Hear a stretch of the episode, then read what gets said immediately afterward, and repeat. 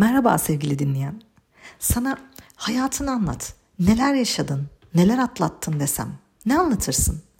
Başına gelen kötü şeyleri, alamadığın terfileri, sırtında skor tabelası gibi duran bıçakları ya da bilemedin kaçan fırsatları. Ah ah zamanında dedenin almadığı şimdilerde değerinden çıldıran arsaları. Ne çok kaybedilen ve üzen şey var değil mi hayat destende?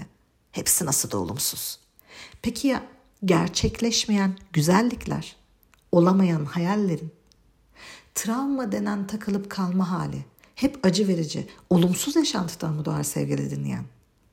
Acı veren her şeyin kaynağı olumsuz mudur? Gerçekleşmeyenin yarattığı kırıklık bugünkü konumuz. Hadi konuşalım. Çokça paylaşıldığı için Fırat Çetin'in paylaşımını görmüşsündür. Travma sadece yaşanmış kötü olaylar değil, ayrıca gerçekleşmemiş güzel olaylardır demiş.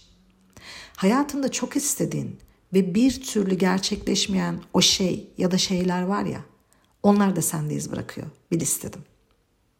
Travmanın tanımına baksan, olumsuz yaşantıların üzerinde bıraktığı derin etkilerden söz eder. Gündelik hayat akışını bozan, beklemediğin bir anda gerçekleşip sende endişe ve korku yaşatan, hayata baktığın anlam penceresini değiştiren her şey travmadır. Zihnin ve bedeninde çeşitli izler bırakır. İz bırakan bütün yaşam olayları, güç kaybı, belirsizlik, korku, kaygı ya da çaresizlik gibi duygular yaratır sende. Adeta bir fırtına bulutu gibi sarıp sarmalar ve ruhun travmaya bağlı duygu, düşünce ve davranışların sığınağı altında kalır. Dolayısıyla duygu ve ruh dünyan dönüşür. Beden sinyal verse belki farkındalığa yaklaşırsın ama bedensel bir temelden yoksunsa yaşadıkların ne yaşadığını bilmediğinden yardım seçeneğinden de uzaklaşır. Nedensiz bir gerginlik, iştahsızlık, uykusuzluk, öfke, hatta panik ya da depresyonla uğraştığını düşünürsün. Şimdi başına istenmedik ve büyük bir şey geldiğinde bunu travma diye kodlamak kolay da sırf istediğim bir şey ya da bir şeyler olmadı diye travma içinde olmak nasıl bir şey? Biz nereye dönsek olmadı albayım. Göğe baktık ay kayboldu. Yıldızlar düştü der Oğuz Atay'a sorsam mesela. Ne oldu da yıldızların döküldü sevgili dinleyen? Belki istediğin eğitimi alamadın, belki hiç okuyamadın. Okudun ama kariyerin istediğin gibi gitmedi. Yok yok, kariyerin şahane ama asla ilişkilerde iyi olmadın. Hatta çevren senden görev gibi evlenmeni bekliyor ama evlenemiyorsun.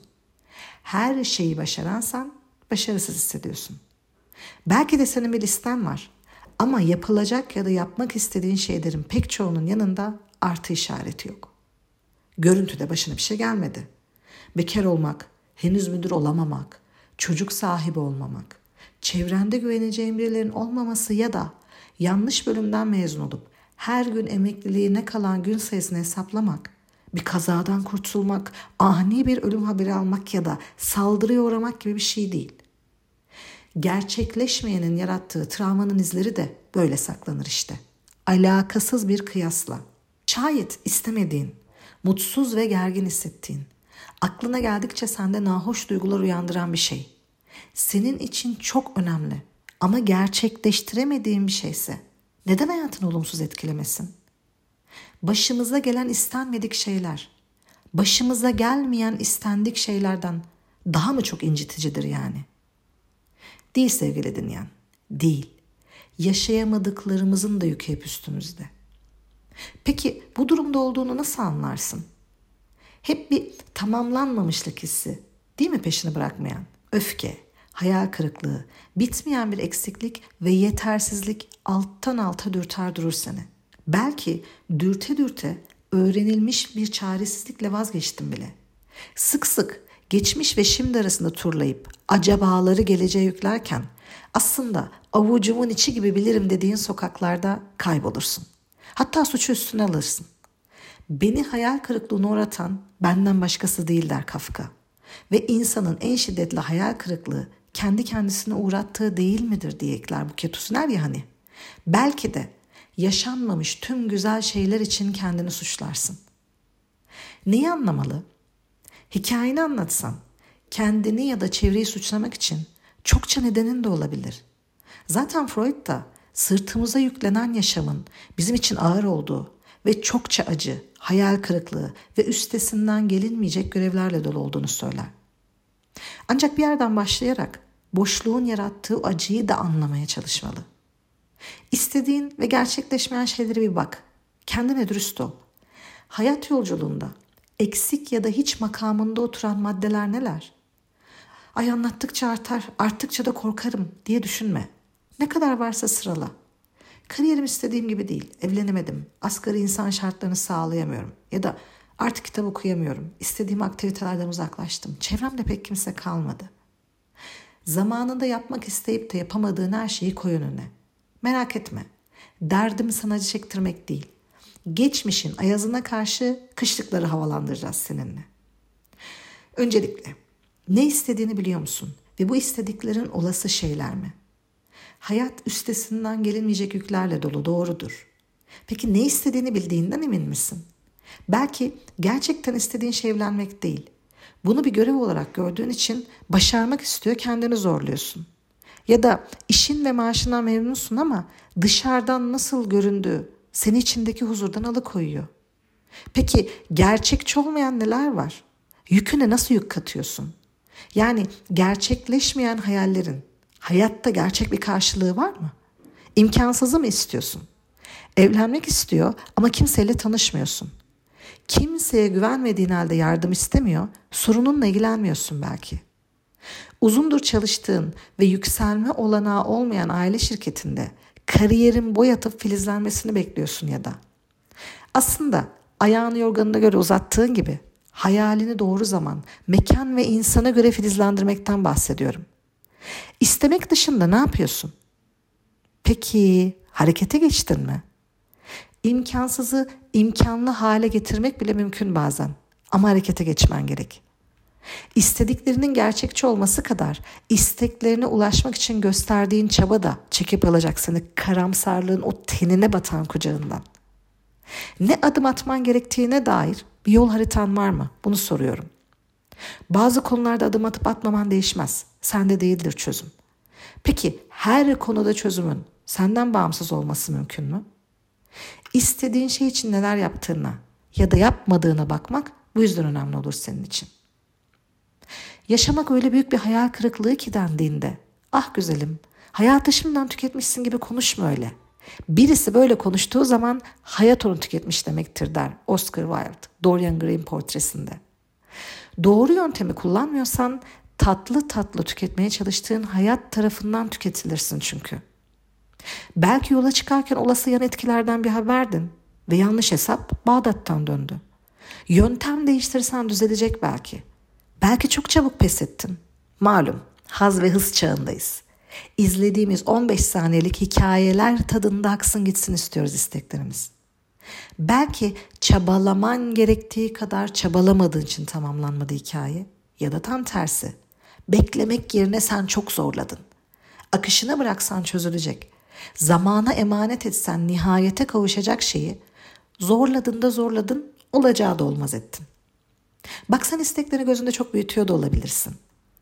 İstenilen şeyi dev aynasına koyup gerçek boyutlarıyla eline geldiğinde yaşadığın hayal kırıklığı gerçekleşmemiş hayaller tadı bırakabilir ağzında. Ya da çağımızın gereği olarak ulaşana dek çabalayıp ulaştığında kısacık bir mutluluk anından ötürü dahasına bakmaya başladığından elde ettiğin şeye yine tam olarak sahip olmamış hissediyor olabilirsin.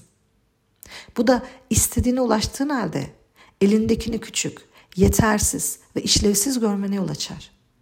Ulaşmak istediğin her menzilin ufuk çizgisi gibi senden kaçma halini yaşar durursun. Şu da olası ki sen sadece negatiflerle hesap yapıyorsundur belki. Malum elde ettiğimiz kadar edemediklerimiz, sahip olduklarımız kadar olamadıklarımız, ulaştığımız kadar ulaşamadıklarımız var bu hayatta. Ama terazin hep olumsuzu tartmaktan yanaysa, başardığın onca şeyi es geçip günü birlik olmazları toplamaya başlarsın hesapta. Bu da sana bu hayatta yaşayamadığın şeylerin manzarasını sunar sadece. Yapabildiğin ve yaşayabildiğin onca şey varken. Yanlış aynalarda yanlı mutsuzluklara kapılırsın. Ne istediğini bilmek, İstediklerini gerçekçi zeminlerde beklemek. Doğru yöntemi kullanmak ve harekete geçmek. Zorlama ya da kolaya kaçma tuzağına düşmeden. Olumsuza yaslanmadan ama has peşindeyim deyip olumluyu bir çırpıda harcamadan ilerlemek seni bir yere götürür elbet. Çünkü bunları daha yolun başında çözümlediğinden kendine gelen güvenin, yolun ortasında kendin ve başkalarıyla kurduğun empatin, süreçte pes etmeden ilerleten azmin ancak isteklerini gerçekliğe ve çabaya uydurduğunda gerçekleşiyor bu hayatta. Başına gelen şeylere verdiğin tepkilere de bir bak. Engellenmiş bir şekilde çekildin mi köşeye yoksa hazır gözüm henüz toprak çekmiyorken denemeye devam mı diyorsun? Malum hayatta her gün yaşadığım bu hayal kırıklığı beni ürkütmüyor. Tam tersine hiç peşimi bırakmayan düşlere yönelik bir saygı duruşu gibi geliyordu diyen Amin Maluf gibi. Yoruldukça nefes alıp sen dursan da peşini bırakmasın diye beklemek de var. Sara Gio bundan 20 yıl sonra yaptığınız şeylerden çok yapmadıklarınız için hayal kırıklığıyla yaşayacaksınız. O yüzden düğümlerinizi çözüp halatlarınızdan kurtulun ve sığındığınız güvenli limandan uzaklara yelken açın der. Bırakmasın düşlerin, hayallerin peşine sevgili dinleyen.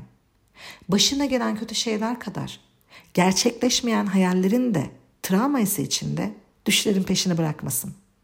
Seni tutan şeyler kadar kovalayan, peşini bırakmayanlar da var. İyi ki var. Ne demiş Coelho? Yolunu bulduğun zaman korkmamalısın. Hata yapacak kadar cesur olmalısın. Hayal kırıklığı, yenilgi ve umutsuzluk Tanrı'nın bize yol gösterme araçlarıdır. Kitapta da verilen cevap gibi insanların da Tanrı'nın da tuhaf yolları olsa da en azından yoldasın. Öyle düşün.